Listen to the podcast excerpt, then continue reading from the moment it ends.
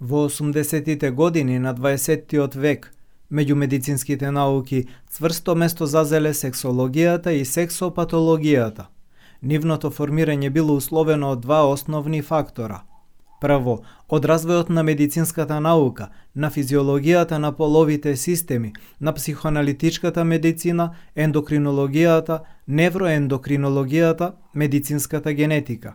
Второ, од принципиелните промени во етичко-светогледните ориентации на европската култура од последниот век. Имелински констатира Во сферата на интересите на сексологијата влегуваат не само проблемите сврзани со здравјето на човекот, туку и проблемите што се однесуваат на начинот на живот и на смислата на човековиот живот. Сексолозите Буртјански, Криштал, Смирнов ја застапуваат идејата на западните истражувачи за воведување на поимот сексуално здравје, кој што, меѓу другите параметри, вклучува и такви како слобода од стравот, слобода од чувството на срам и вина, од лажни представи и други психолошки фактори кои ја потиснуваат сексуалната реакција и ги нарушуваат сексуалните односи. Состојбата на современата сексологија сведочи дека прашањето за нормата и патологијата на човековата сексуалност на нивото на медицинската практика непосредно е поврзано со етичко светогледниот контекст на културата.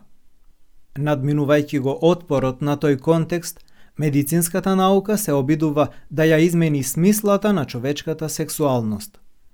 Последните меѓународни документи сведочат за тоа дека сексологијата успешно се движи во тој правец. Така, на пример, уште во 1965 и во 1975 година, една од единиците на психичките растројства во меѓународната класификација на болестите од 8 и 9 ревизија се определувала со поимот полови изопачености, во кој спаѓале хомосексуализмот, фетишизмот, трансвестизмот, еротоманијата и други. Во тие документи, поимот полови изопачености го изразувал етичко-правниот негативизам кој бил историска норма за христијанската европска култура се до 80-тите години на 20-тиот век. Вредносно светогледните поместувања во современата култура довеле до признавање на нетрадиционалните видови сексуалност. Во десетата ревизија на меѓународната класификација на болестите 1993 година, поимот полови изопачености не постои. Наместо него се појавуваат термините полово предпочитање, сексуална ориентација и други. Тие измени водат до суштински структурни придвижувања и тоа не само во медицинската наука. Преориентацијата на нормативните модели неизбежно наоѓа свој одраз во обштествената свест, при тоа трансформирајќи ги не само обичаите и модата, туку дури и законот и правото. Некои истражувачи сметаат дека настапува ера на биовласта, во која царството на нормите го сузбива царството на законот. Иронијата на преобразбата на човечката сексуалност, според мислењето на Мишел Фуко, се состои во тоа дека не принудуваат да поверуваме дека се работи за наше ослободување. А проблемот на ослободувањето на сексуалноста не може да се разгледува само како медицински проблем. Сексуалноста е една од животните физиолошки функции на човекот, но таа се разликува од другите животни функции, бидејќи непосредно влијае на етичките односи на секое општество. Уште повеќе, меѓу сексуалноста и моралот постои тесна врска и взаемен однос од кој во висок степен зависи како етичкото, психичкото и физиолошкото здравје на човекот, така и благосостојбата на културата воопшто. Уште повеќе, меѓу сексуалноста и моралот постои тесна врска и взаемен однос, од кој во висок степен зависи како етичкото, психичкото и физиолошкото здравје на човекот, така и благосостојбата на културата воопшто. Дури и Сигмунд Фройд сметал дека Обштеството не познава пострашна опасност за својата култура од ослободувањето на сексуалните стремежи. Моралот секогаш стоел на стража на тоа ослободување, вршејќи конкретна функција во системот на саморегулација на културата. За тоа сведочи многувековното искуство на човештвото, како на морално-филозофско ниво и на медицинско-психолошко ниво – За тоа сведочи многу вековното искуство на човештвото, како на морално-филозофско ниво и на медицинско-психолошко ниво, така и на степен на колизија на социјалниот развој. Европската историја преживеала две сексуални револуции, два долги периода на ревидирање на човековата сексуалност и сексуалните односи. Првиот период се однесува на епохата на распаѓање на Римската империја и на формирање на христијанската култура, а вториот период на втората половина на 20 век.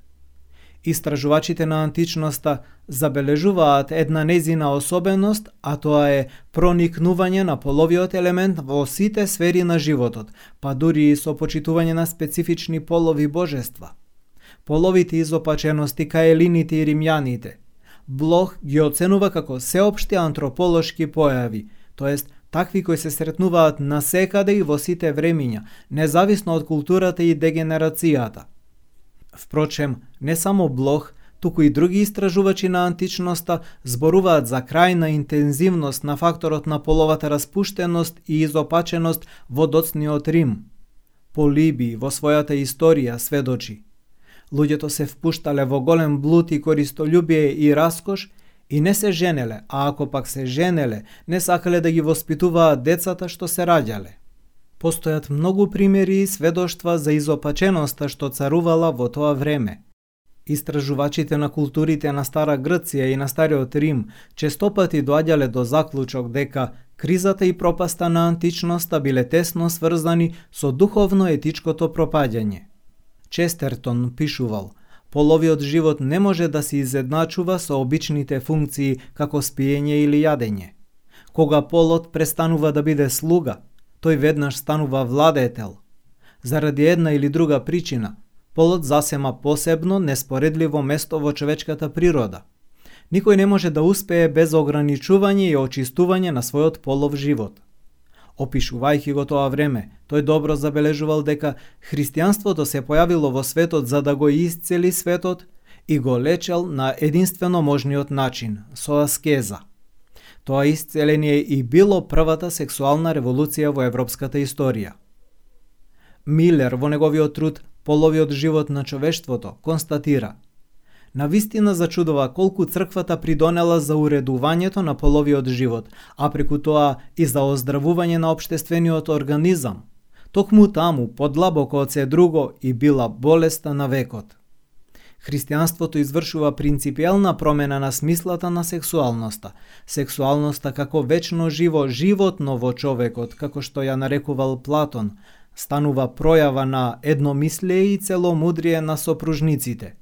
Во светото таинство брак, сексуалноста се осветува и се претвора во сведоштво на љубовта, во реално влегување во сферата на бескрајното битие – Содржината на сексуалната револуција која што ја остварило христијанството се состоела и во утврдувањето на принципот моногамија и во одухотворување на односите меѓу мажот и жената и во утврдување на аскетизмот како форма на духовна слобода на човекот.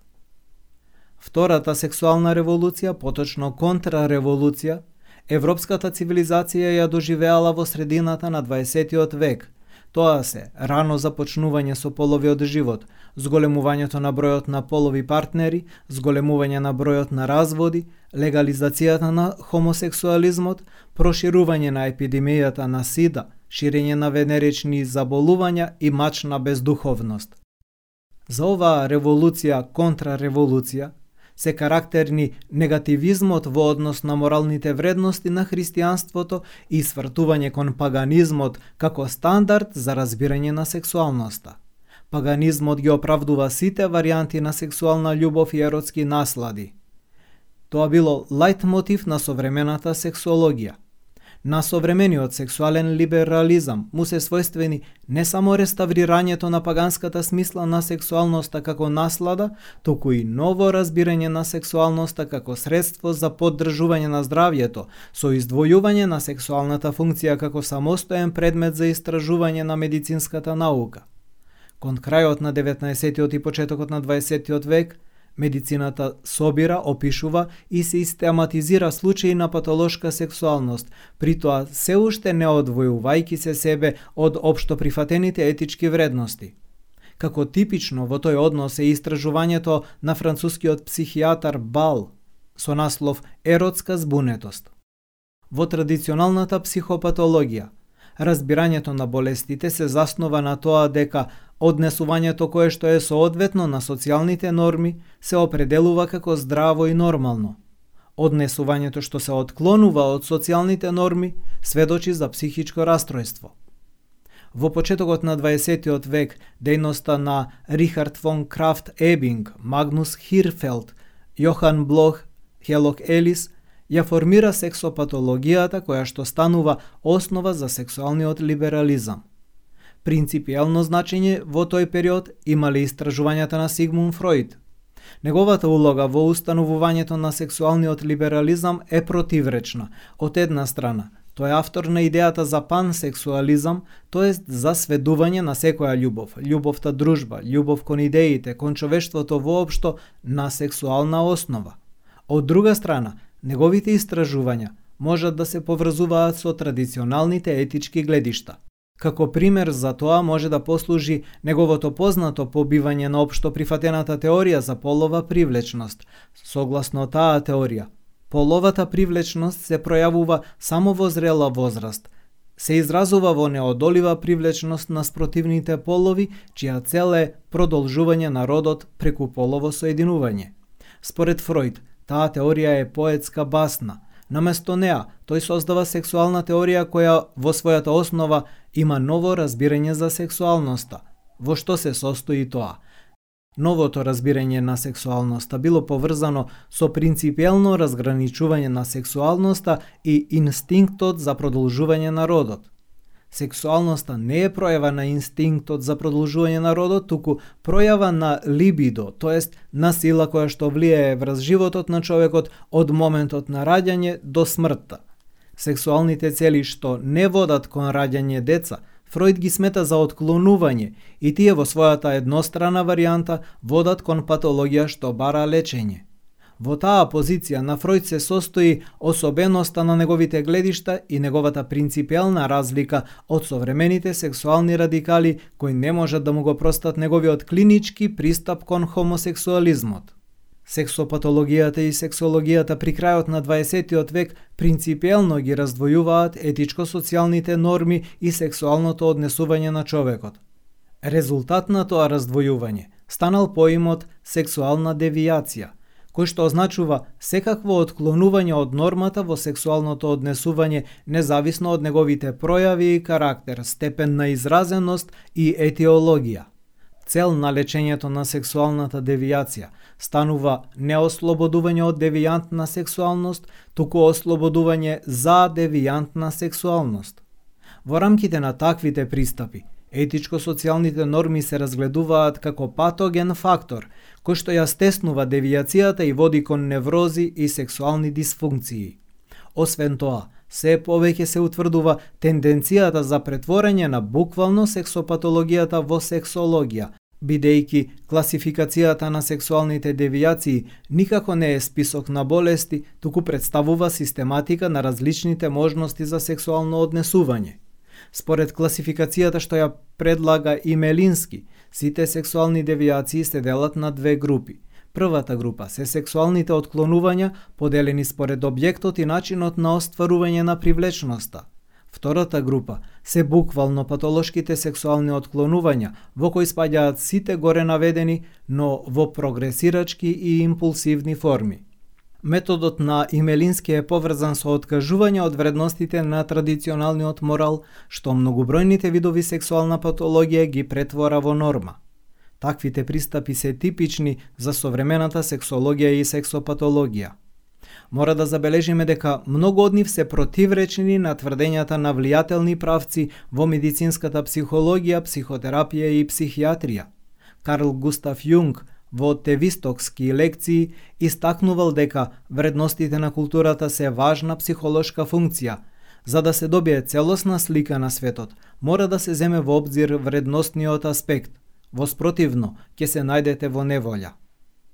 Понатаму, логотерапијата, еден од влијателните правци на современата психотерапија, ја определувала смисловната димензија на личноста како вроден мотивацијски елемент на незиното однесување и незиниот развој. При тоа, смислата не е субјективна, тоест не може да биде сведена на биолошките или психолошките карактеристики на човекот. Природно, затоа што цел, вредност, смисла не може да биде принципот на наслада. Во спротивен случај, како што се случува во современата сексологија, тој принцип има деструктивно дејство за психиката. Автодеструктивното својство на склоноста кон наслада е во основата на многу сексуални неврози. Да се вратиме на авторитетот на аналитичката психологија на Јунг, кој вели Лекарот секогаш мора да има на ум дека болеста е само нарушување на нормалните процеси, а никако не е ентија персе, самостојна суштина со своја карактеристична психологија. Симилија симилибус курантур. Сличното се лечи со слично. Таа важна вистина на старата медицина, како и секоја голема вистина, лесно може да се покаже како голема заблуда. Медицинската психологија мора да внимава таа самата да не добие патолошка форма. За жал, таа опасност ги демне современите сексолошки теории – предупредувањето за можните последици од новите методи на медицинско-психолошкото дејство на човекот е една од задачите на биомедицинската етика.